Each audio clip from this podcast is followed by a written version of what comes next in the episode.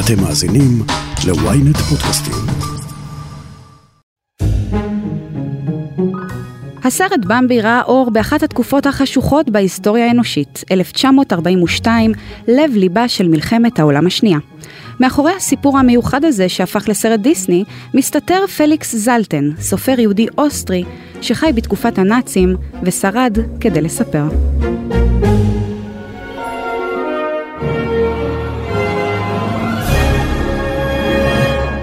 אז אני רוצה לומר שלום לאורחת שלי היום, אודם משור, סטודנטית להיסטוריה במכללת תל חי, שחיברה מאמר מרתק על הצד היהודי של במבי. אודם, שלום. שלום, שלום. טוב, אני קודם כל לא יכולה להתעלם מהשם המאוד מיוחד שיש לך, אודם, שם מדהים. תודה. אז איזה כיף שאת מתארחת אצלנו פה באבק פיות. אני רוצה לשאול אותך, שאלה ראשונה עבור המאזינים שלנו, מי היה פליקס זלטן, מחבר הספר במבי? אוקיי, אז אה, קודם כל פליקס זלטן, הוא היה אה, סופר אה, אוסטרי, למרות שהוא בכלל נולד בבודפשט. הוא עבר בגיל צעיר כבר לווינה, אבא שלו פשט את הרגל, והוא היה צריך לצאת לעבוד. אז הוא נטש את כל מה שהוא רצה לעשות, נטש את הלימודים שלו וכל מה שהוא התחיל, והלך לעבוד בתור בחברת ביטוח. ובזמנו הפנוי כדי ככה קצת כן לעשות מה שהוא אוהב, אז הוא התחיל לכתוב סיפורים קצרים ולשלוח אותם לעיתונות. ובעצם מסתבר שבשנת 1900, אז הוא פרסם כבר את אוסף הציפור, הסיפורים הקצרים שלו, ואז הוא הפך להיות מבקר uh, תיאטרון. עזב את החברת ביטוח שהוא לא, לא מאוד נהנה בה כנראה, והלך לעסוק במה שהוא אוהב, להיות uh, מבקר תיאטרון. ומי מבקר תיאטרון, איך בעצם הוא, איך הוא התחיל לכתוב את הספר במבי, מה היה המקורות שלו, כלומר, מתי זה קרה? במבי דווקא ממש מאוחר, כאילו זה, אנחנו פה מדברים בשנת, התחילת uh, המאה ה-20, במבי רק ב-1923. לקח המון זמן עד שהוא באמת הצליח אה, בתור אה, סופר, ממש אה, כנראה מפורסם, אבל עוד לפני כן צריך להתחיל כבר מההתחלה, שבעצם זלטן, אז הוא גם אה, אה, דמות ציונית, תמיד הציונות בסיפורים שלנו, אז אה, הוא הכיר דמות ציונית מאוד מפורסמת. שאנחנו מכירים? כנראה כולם מכירים אותה. כולם? כנראה. נו, אתם כבר מזהים או שנגיד לכם? אז בוא נתחיל, הוא בעצם ישב בוקר לתומו בבית קפה בווינה. כן, מי נכנס? ונכנס בחור גבוה עם זקן. או, מי זה יכול להיות? מי זה יכול? בשם תיאודור. בוא נתחיל מי זה. איי איי איי, תיאודור הרצל. תיאודור הרצל, כן, תיאודור הרצל הגיע. איזה, ממש סיפור אה, אגדה, כמו נשמע סיפור אמיתי. והם התחברו מאוד. והרצל אפילו שם אותו בתוך העיתון שלו, הנוי פרסה, אה, כי הרצל באותו זמן הלך להיות, אה, התעסק בתנועה הציונית שלו, הוא לא, לא היה לו זמן לעבוד בתור העורך הראשי של העיתון, אז נתן, נתן לחבר שלו פליקס. בעצם הרצל הזה הכניס, טבע בפליקס את כל הציונות שלו, את כל האהבה ליהדות, את הציונות שעד אז פליקס לא כל כך היה אולי אה, מחובר אליה. ב... זהו, צריך לומר שאז היהודים בגולה, כלומר אה, ארץ ישראל, הייתה איזשהו, אולי איזשהו חלום רחוק, אבל לאו דווקא שאיפה או תקווה להגיע אליה. כן, אז באמת אה, הרצל השפיע עליו השפעה מאוד רבה, שאחר כך ההשפעה הזאת גם תגיע גם לבמבי, אבל זה עוד מעט נגיע. כן, לא נחשוף לכם את הכל. לא נחשוף את הכל, תחכו, תהיו ב... תחכו ב... בשקט. אה, אבל מה שעוד יותר מעניין זה שפליקס אחר כך מגיע בעקבות אה, החיבה שלו לציונות וליהדות וכל הקשר שלו עם הרצל מגיע לארץ ב-1924. אה, וואו. כן, הוא ביקר בארץ. אחרי שהוא כתב את במבי בעצם. כן, שנה אחרי במבי הוא ביקר, מבקר בארץ. הוא כתב אפילו יומן, יומן מסעים, אה, בשם אנשים חדשים בארץ ישנה. שאולי השם ככה נותן לכם ככה קונוטציה מסוימת למשהו, יכול להיות, אז כן, זה לא, לא סתם. כן. אה, באמת זה באמת אה, אה, סוג אה, אדפטציה כזה לשם של, אה, של ציבור, לספר של הרצל, אלטנוילנד, mm-hmm. שזה ארץ אה, חדשה ישנה. ואז כשהוא בעצם אה, שאלו אותו, שאלו אותו אחר כך באמת, למה אתה רוצה לנסוע לארץ ישראל? מה יש לך לעשות שם? שזו שאלה ששאלו אותה המון אה, ציונים שאלו אותה, מה יש לך לעשות במקום הזה? אז הוא אמר, דווקא מאוד יפה, הוא אמר ככה, כיהודי אני אהיה נבוך עד עמקי נשמתי, אם לא אעזור ואתרום עד כמה שאוכל לבנייה של פלסטינה. ממש רואים פה יהודי ציוני בכל רמ"ח חבריו. זה שעד לפני כמה שנים בכלל לא חשב על ארץ ישראל, כן, בכלל לא הכיר את הרצל, בכלל. לא היה איזשהו קשר, תמיד חיבור ליהדות היה, אבל אה, יהודים חילונים אז באירופה זה היה שונה ממה שאנחנו מתייחסים היום ליהדות כן. ולחיבור שלנו ליהדות. אז טוב, הצלחת להפתיע אותנו כבר פעמיים. אחת, שהסופר של במבי, הסרט, שעוד מעט נדבר גם על הסרט, שכולנו גדלנו עליו, בעצם היה סופר יהודי, והדבר השני שהוא באמת הוא והרצל היו best buddies, והוא אפילו ביקר ב- ב- בישראל והתאהב ב- במדינה המדהימה שלנו. כן, ממש, זה ממש באמת סיפור, כשאני קראתי אותו פעם ראשונה, אמרתי לעצמי, לא איך, יכול להיות. לא יכול להיות שהסיפור הזה אמיתי, איך אף אחד לא שמע על הסיפור הזה. באמת לפני שכתבת את המאמר חיפשת משהו כזה שכתוב בעברית עשית גוגל אמרת יכול להיות שבאמת אף אחד לא כתב על זה אף אחד לא יודע שהסופר של במבי היה יהודי? האמת שאיך הגעתי לסיפור הזה, סיפור מעניין. לפני כמה שנים, אני אוהבת סיפורים מעניינים. לא, אני אספר לך סיפור, באמת. ספרי לפני לי. כמה שנים, עשו בגלגלצ, או איזושהי רשת ב', משהו כזה, שעוד משהו, לפני מלא שנים, זה עשר שנים, משהו כזה, אני בת 25, אז... משהו, ממש לפני הרבה שנים. זה היה משהו למלט של וולט דיסני, שמו, שמו שירים ברדיו. כל יום שלם שירים של דיסני. אני התלהבתי, אמרתי, מה יותר מושלם מיום שלם שירים של דיסני, זה כמו חלום, זה כמו להיות ב- בדיסנילנד, וזה, זה מגניב. ואז הם אמרו, הידעתם שהסופר של במבי היה יהודי? במקום זה, מה, באמת? איך עוד לא ידענו מזה? וזכרתי את זה. לימים הפכת לימים, לסטודנטית. לימים הפכתי לסטודנטית. אה, בכללי אמרתי לעצמי, יאללה בוא נעשה קצת ככה עבודות מהצד ככה ונכתוב גם דברים קצת יותר מעניינים שהם אה, לא ייכנסו כנראה לאקדמיה. ואמרתי לעצמי, בוא נביא חיבור בין שתי האהבות הגדולות שלי, זה היסטוריה ודיסני, נחבר אותם ביחד, ואמרתי, הנה יש מישהו שאף אחד לא שמע עליו, כמה חבל. כאילו. ואז פנית לספרייה הלאומית? כי צריך לספר, לא- הלאומית- לא עדכנו את המאזינים נכון, שלנו אה, באמת שהמאמר שלך זה. מפורסם באתר של זה הספרייה באמת הלאומית. חשוב, אני צריכה להגיד את זה, חבל שלא אמרתי את זה בהתחלה. אז הנה אנחנו אומרות הנה אני עכשיו. אומרת, אז הספרייה הלאומית באמת נתנה לי, הייתה בספרייה איך הגעתי אליהם, אבל הספרייה הלאומית באמת נתנה לי את הבמה הגדולה, המכובדת מאוד, הספרייה הלאומית זה מקום, אה, מוסד מכובד. אה, זה אצלם מפורסם בספרנים, בשם הצד היהודי של במבי, אתם מוזמנים להיכנס. ובעצם עכשיו איך הגעתי אליהם זה שלפני, בקורונה, בגל הראשון או משהו כזה, הם פרסמו והם נתנו אופציה לאנשים פרטיים לשלוח להם אה, כתבות. אמרתי, אמרתי, וואלה, יש לי פה כתבה על במבי שבזמן כתבתי אותה, פרסמתי אותה באיזשהו אה, דף בפייסבוק של היסטוריה. אמרתי, וואלה, אולי זה ככה ציונות, וזה מתאים להם אולי, יכול להיות שזה יעניין אותם. שלחתי להם, אמרתי, נראה, אני לא יודעת מה, הכי בקטנה אמרתי, נראה, אולי זה יצליח. ופנו אליי חזרה, בחור אה, נהדר בשם חן מלול, שאני כבר מכירה אותו, כי הוא כבר... אה, חן אה, נראה לי למד איתי היסטוריה באוניברסיטה העברית אם אני זוכרת נכון. יכול חן דש. להיות, חן מלול, שבזכותו הכתבה, הוא, הוא אישר את זה, הוא אמר שזה רעיון מדהים, והוא אישר את זה. האמת שזה באמת רעיון מדהים וככה גם הגעתי אלייך. תגידי אחרי שפורסם המאמר באתר כן. של הספרייה הלאומית קיבלת תגובות אנשים הופתעו כלומר מה מידת ההתעניינות הייתה של הדבר הזה. אני חייב להגיד לך, אני הייתי בשוק מרמת ה... אני לא ציפיתי, עוד פעם, אני באתי הכי בקטנה, הכי, את יודעת, אודם השורה, שבעולם לא פרסמה, אני לא פרסמתי שום דבר בצורה ככה גלובלית, מה שנקרא, והיו לזה מאות אה, תגובות בכללי. לא, לא רק חברים שלי, שלחתי לכל החברים שלי, לכל המשפחה שלי, מה התגובות באינטרנט ובקבוצה של הספרייה הלאומית, ואחר כך, אחר כך אני קיבלתי מהם הודעה שזה היה למ- למאמר, חמשת המאמרים הכי נקראים של השנה, של. הספרייה הלאומית. אז הנה עכשיו אתם שומעים גם על. המאמר הזה פה באבק כן, פיות. הנה, תשמעו, תוסיפו עוד, אה, שיהיה מקום ראשון אני רוצה. טוב דיברנו קצת על אה, פליקס ועל ארץ ישראל כן. ועל היותו יהודי ואני רוצה שתיקחי אותי קצת לבמבי. כן. לספר. יש הבדלים משמעותיים בין הספר לסרט, שאנחנו גם כבר נדבר עליהם, אבל בואי קודם כל נדבר על במבי, ואני אשים פה הערה בסוגריים מאוד מאוד קצרה, שאני לקראת הפרק איתך צפיתי שוב בסרט במבי, ממש אתמול. וזו הייתה חוויה מדהימה עבורי.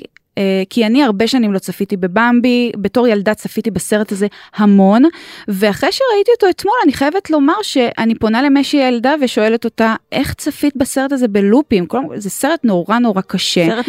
אה, נורא מוזיקלי, אה, משהו שהיום מאוד מאוד קשה לעשות וכבר בקושי עושים, כי שמים יותר מלל ויותר שירים, ו, ושם זה היה יחסית נעימות מאוד מאוד ארוכות, במבי באקספוזיציה של הסרט חוקר את היער אה, אחרי שהוא נולד, הנסיך הקטן נולד, אה, ולאט לאט הוא חוקר ומבין ומכיר את החברים שלו ונקלע גם לבעיות, בין היתר הסצנה האיקונית הזאת שבה הוא מאבד את אמו באחו. וזה היה סרט שלי גם כמשהי הבוגרת היה קצת קשה אפילו לצפייה, ועוד מעט אנחנו נדבר גם על ההבדלים בין הסרט לספר, רק רציתי לחלוק איתכם את החוויה האישית שלי, אבל בואו נדבר על במבי. אז מי הוא במבי, למה קראו לו ככה, ואיך הוא מוצג בספר של אה, זלטן. אוקיי, okay, אז קודם כל, כמו שאמרתי, במבי נכתב ב-1923, ממש בין שתי מלחמות העולם, תכף נגיע מה קורה כשפורצת המלחמה, שואלים הנאצים, וזה עוד נגיע לזה, כי תמיד יש מלחמות גם ב... נכון. בסיפורים של היהודים. והסרט של במבי של דיסני יצא לאור ב-1942. כן, שזה שנה של... בכלל... אה, נכון, אחרי הפתרון הסופי. כן.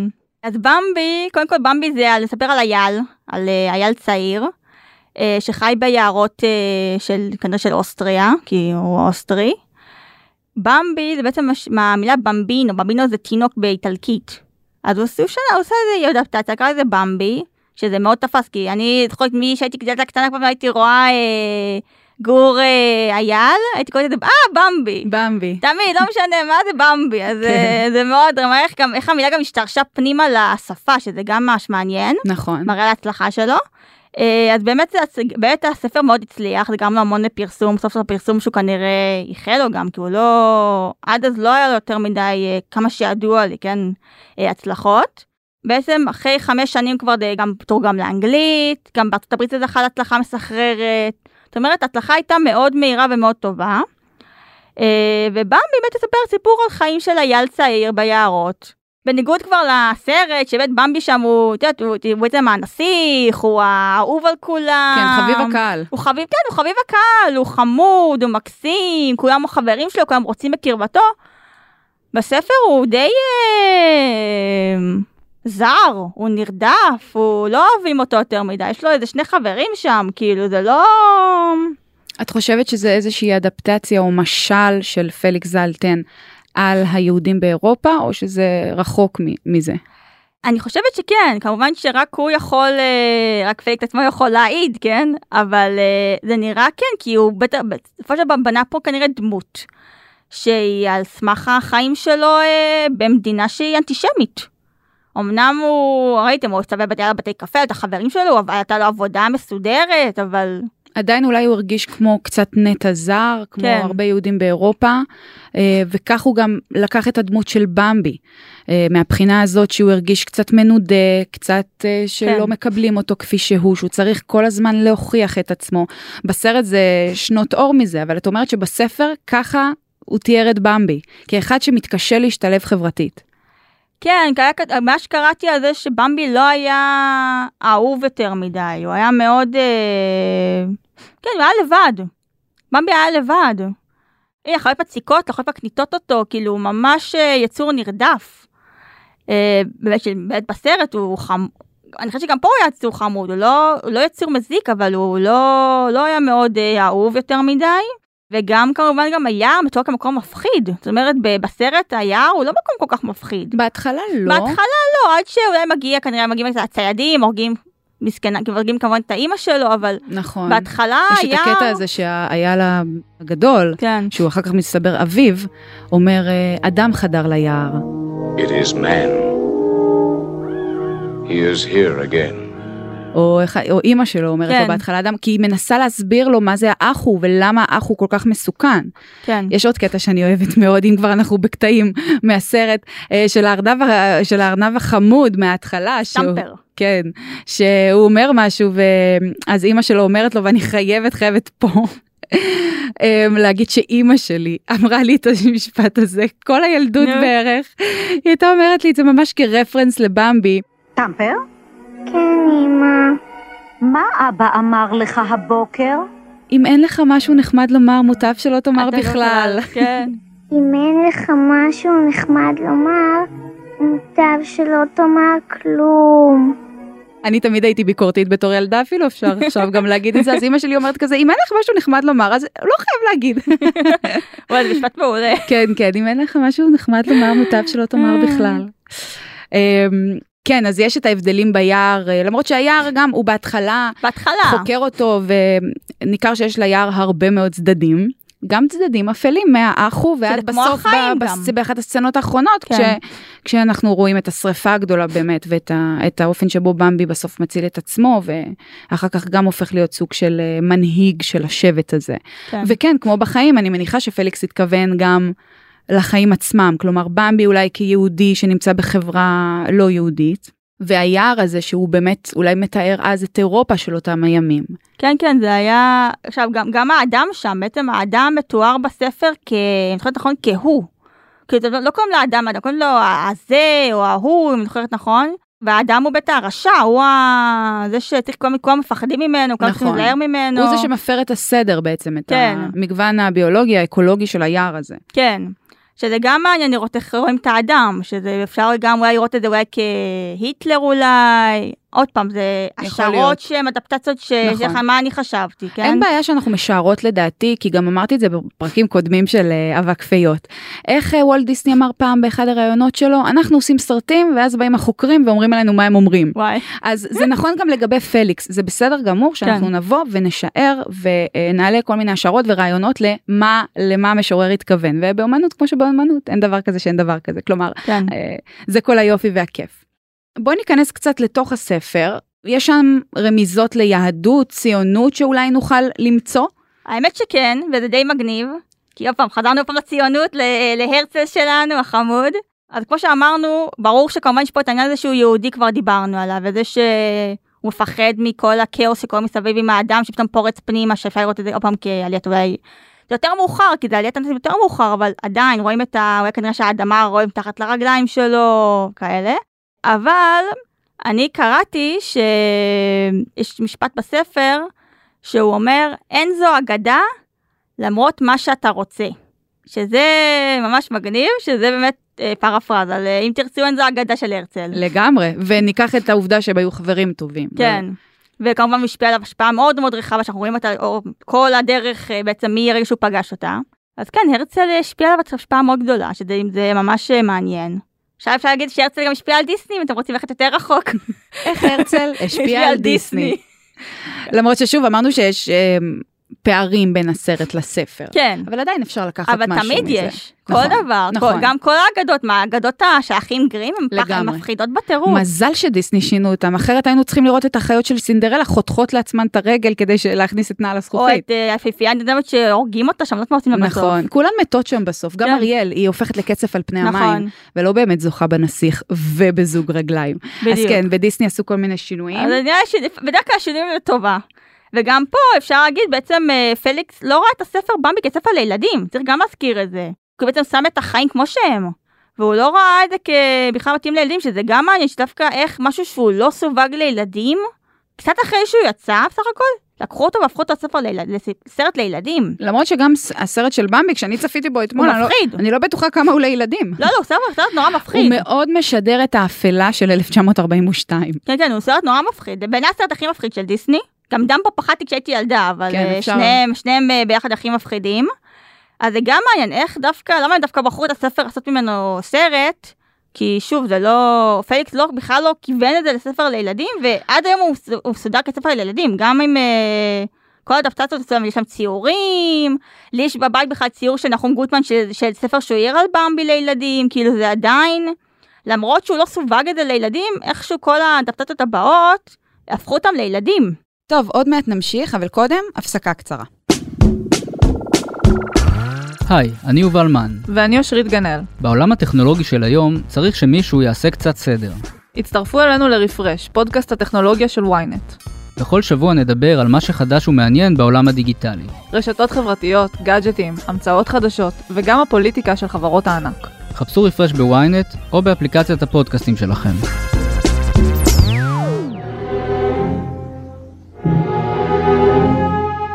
Bambi. Quick! The thicket! בסצנה שבה אה, במבי מאבד את אימא שלו, Faster! Faster!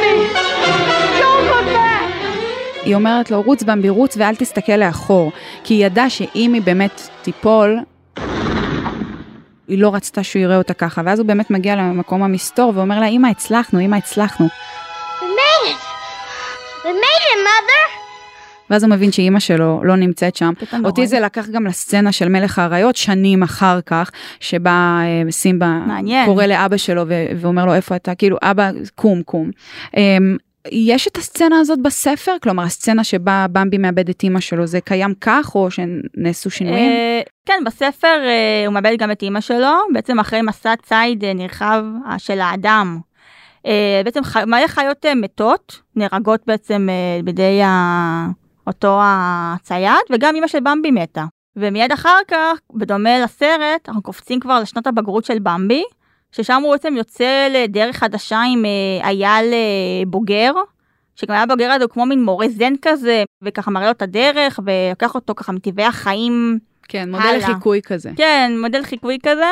אז בעצם מהרגע שבו במבי מאבד את אימא שלו, אנחנו רואים שגם בספר וגם בסרט יש איזשהו קווים, קו מקביל, כלומר, זה לא כזה שונה כמו שהיה בהתחלה שבמבי היה קצת עזוב ונטוש ולא רצוי. אה, ולאחר מכן גם בסרט, ככה שזה בעצם נגמר שהיער חוזר לעצמו אחרי השריפה הגדולה, ויש איזושהי סגירת מעגל שבו אנחנו רואים את אה, זוגתו עם הצאצאים שלהם, ובמבי שומר על היער מרחוק ביחד עם אותו אייל זקן שהדריך אותו אה, לאורך כל חייו. אז דיברנו על פליקס ועל במבי ועל הסרט ועל ההבדלים, וככה לקראת סיום אודם אני רוצה לשאול אותך, איך בסוף הזכויות לס... לספר נמכרו לדיסני? כלומר, איך הוא מכר את הזכויות לדיסני והאם הוא יצא מורווח? אז זה כבר סיפור קצת אה, פחות אה, שמח. כנראה שזה גם דומה המון סיפורים שתמיד איכשהו אה, האדם הקטן יוצא שידו לא על העליונה. אה, אז בעצם הוא, הוא עוזב כשמגיע האנשלוס, בעצם שאוסטריה מסופחת לגרמניה הנאצית. מהמם, שזה האנשלוס 1938. כן, אז uh, בעצם הספרים של זלטן מוחרמים, ואם אני זוכרת נכון גם, גם רובם גם נשרפים, זאת אומרת קשה מאוד למצוא נגיד היום uh, את כל ה... הספרים הראשונים שיצאו בגרמנית בגלל זה, כי את רובם שרפו בגלל שהוא יהודי. נכון, ב-36 אדולף היטלר בעצמו אסר את הפצת הסרט, במבי, חיים ביער, שזה הספר, זה השם המלא של הספר של פליקס, כן? אז הוא בורח, והוא בעצם צריך לעזוב את אוסטריה, הוא נוסע לשוויץ בסוף, ובסופו של דבר הוא מוכר את הזכויות להפקת סרט תמורת סכום מאוד מאוד אה, קטן, של 5,000 דולר בסך הכל, שזה מאוד אה, נמוך, לבמאי בשם סידני פרנקלין, ואותו סידני פרנקלין בעצם מעביר אותם לדיסני. אז 5,000 דולר זה משהו... זה הכל. יואו. כל ההצלחה אחר כך של במבי לא קיבל מזה שום דבר, וגם תחשבו גם על זה שגם גם, גם הספרים שלו גם נשרפו, זאת אומרת הוא ממש איבד כאילו גם את הספרים שלו. מאוד מאוד נדיר למצוא היום ספרים שהם, אה, שהם אה, בעצם אה, מהדורה ראשונה בגרמנית בגלל זה. היה אחר כך, עשו, עשו לו ביוג- ביוגרפיה אחר כך עליו, והוא סיפר שהוא בא לדיסני כשידיו ורגליו אזוקות. והפה שלו כבר חסום, זאת אומרת, כנראה ממש לחצו עליו. אה, לא הייתה לו ברירה. כן, כנראה לא הייתה לו יותר מדי ברירה. אני לא יודעת באמת כמה הוא רצה, אבל אה, אני גם לא יודעת מה, גם לא יודעת באמת מה הייתה בדעתו כשזה יצא, כי הוא, הוא בעצם חי, הוא מת, הוא מת שלוש שנים אחרי הפצת הסרט, ב-45 הוא נפטר. כן, בגיל 76. כן. אני לא יודעת באמת אם הוא גם היה מרוצה בסוף מהתוצאה של הסרט, אבל בהחלט אפשר להגיד שהסרט אה, עשה השפעה אה, רחבה, ואני מקווה שזה גם עזר לתמלוגים של הספרים שלו. אני גם מקווה שאולי המשפחה שלו נהנית מהפירות. כן, מקווה, כי מסכן סך הכל. היה לו חיים אה, קשים. מורכבים מאוד, כן, כן. חיים מורכבים. אבל הנה, היום אנחנו מדברות עליו באבק כן. פיות, על הספר במבי חיים ביער, הספר שהוא כתב, שהפך באמת לאחד מסרטי דיסני המוכרים ביותר, כלומר אין, אין ילד, ילדה, אה, מבוגר, שלא מכיר את במבי. אז עכשיו אתם מכירים קצת יותר על הצד היהודי של במבי, ועל הקשר היהודי ועל ההיסטוריה היהודית של פליקס זלטן, האיש שהיה חברו הטוב של אה, תיאודור אה, הרצל. הרצל. אה, וגם על הקשר לישראל. אודם אשור, אני רוצה להודות לך שבאת אלינו, לאבק פיות, היה לי מרתק והעונג לדבר איתך, ותודה. תודה רבה, ואני רוצה להגיד עוד פעם גם תודה גם לכם לבמה וגם לספרייה הלאומית עוד פעם, כי בזכותם כל זה קורה מלכתחילה. תודה לספרייה הלאומית. אז תודה ספרייה הלאומית גם, ותודה, זהו. ביי ביי. ביי ביי. עד כאן אבק פיות להפעם. אתם מוזמנים לעקוב אחרינו בוויינט, ספוטיפיי או בכל אפליקציית פודקאסטים שבא לכם עליה. דרגו אותנו גבוה גבוה באפל פודקאסט ותשלחו את הפרק לחברים. תודה לעורך הפודקאסטים שלנו רון טוביה, על הסאונד גיא סלם, אני משי היד. נשתמע בפרק הבא.